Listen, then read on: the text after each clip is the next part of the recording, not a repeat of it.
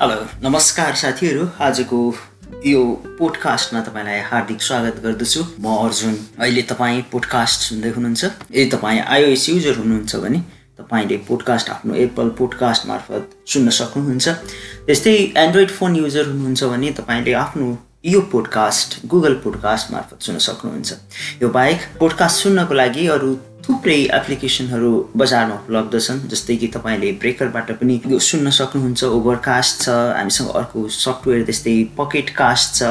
तपाईँले यस्ता अन्य थुप्रै पोडकास्ट सुन्ने एप्लिकेसनहरू छ यो मार्फत तपाईँले पोडकास्टलाई सुन्न सक्नुहुन्छ। तपाईँको आवश्यकता अनुसार तपाईँको खालि समय मिलाएर जुनसुकै समयमा पनि अनलाइन र अफलाइन सुन्न सक्नुहुन्छ यो पोडकास्टलाई यो पोडकास्टको मेरो यो पहिलो एपिसोड हो। आउनुहोस् सुरु गरौँ आजको यो पोडकास्ट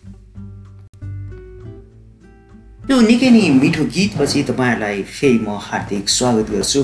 यो पोडकास्टको यो फर्स्ट एपिसोडमा कस्तो लागिरहेको छ कृपया सल्लाह सुझावको हामी अपेक्षा गरिरहेका छौँ।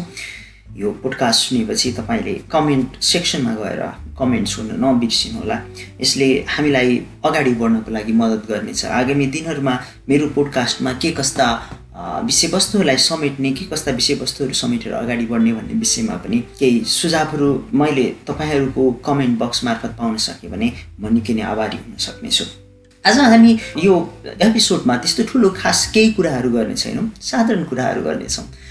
तपाईँ मेरै जिन्दगीमा घटिरहेका कुराहरू यो पोडकास्ट मार्फत तपाईँहरूले सुनाउने कोसिस रहनेछ मेरो। म आज केही इन्सपिरेसनका कुराहरू गर्नेछु जिन्दगीलाई पोजिटिभिटीबाट हेर्ने नयाँ एङ्गलको बारेमा कुरा गर्नेछु।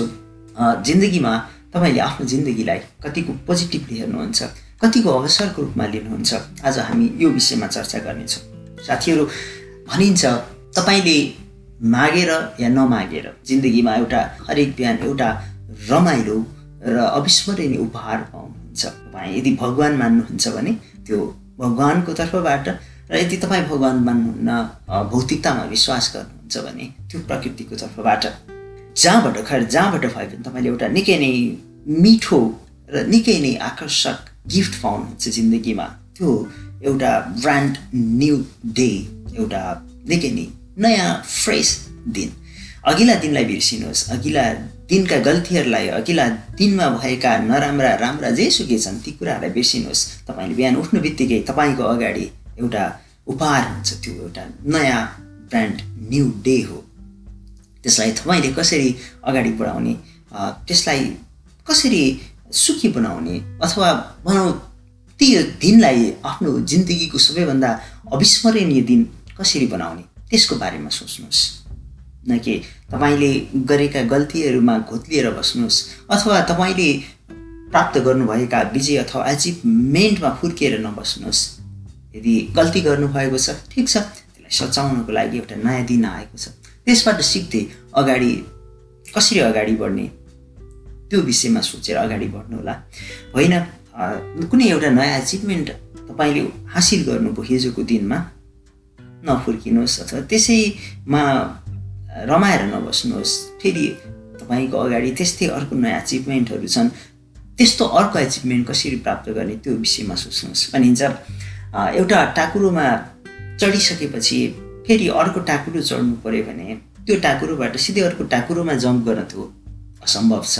तपाईँले त्यो उकाली जुन उकाली चढेर जति त्यो उकाली चढेर तपाईँ त्यो टाकुरोको चुच्चोमा पुग्नु भएको छ त्यति नै ओह्राली झरेर अनि फेरि अर्को टाकुरोको उचाइ चुम्नको लागि फेरि उकाली चढ्नुपर्ने हुन्छ। त्यसैले त जिन्दगीमा उतार चढावहरू आइरहन्छन् भनिन्छ सुखसँग नमातिनु दुःखमा नआतिनु यसरी नै अगाडि बढ्न सकियो भने हाम्रो जिन्दगीले सार्थकता पाउला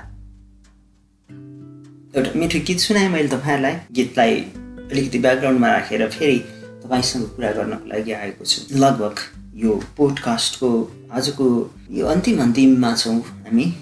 फेरि अरू दिन अरू कुनै एपिसोडमा फेरि यस्तै यस्तै चर्चा परिचर्चा हुनेछ हाम्रो पोडकास्ट मार्फत। आजलाई पनि मैले तपाईँहरूसँग बिदा माग्नुपर्ने बेला भएको छ।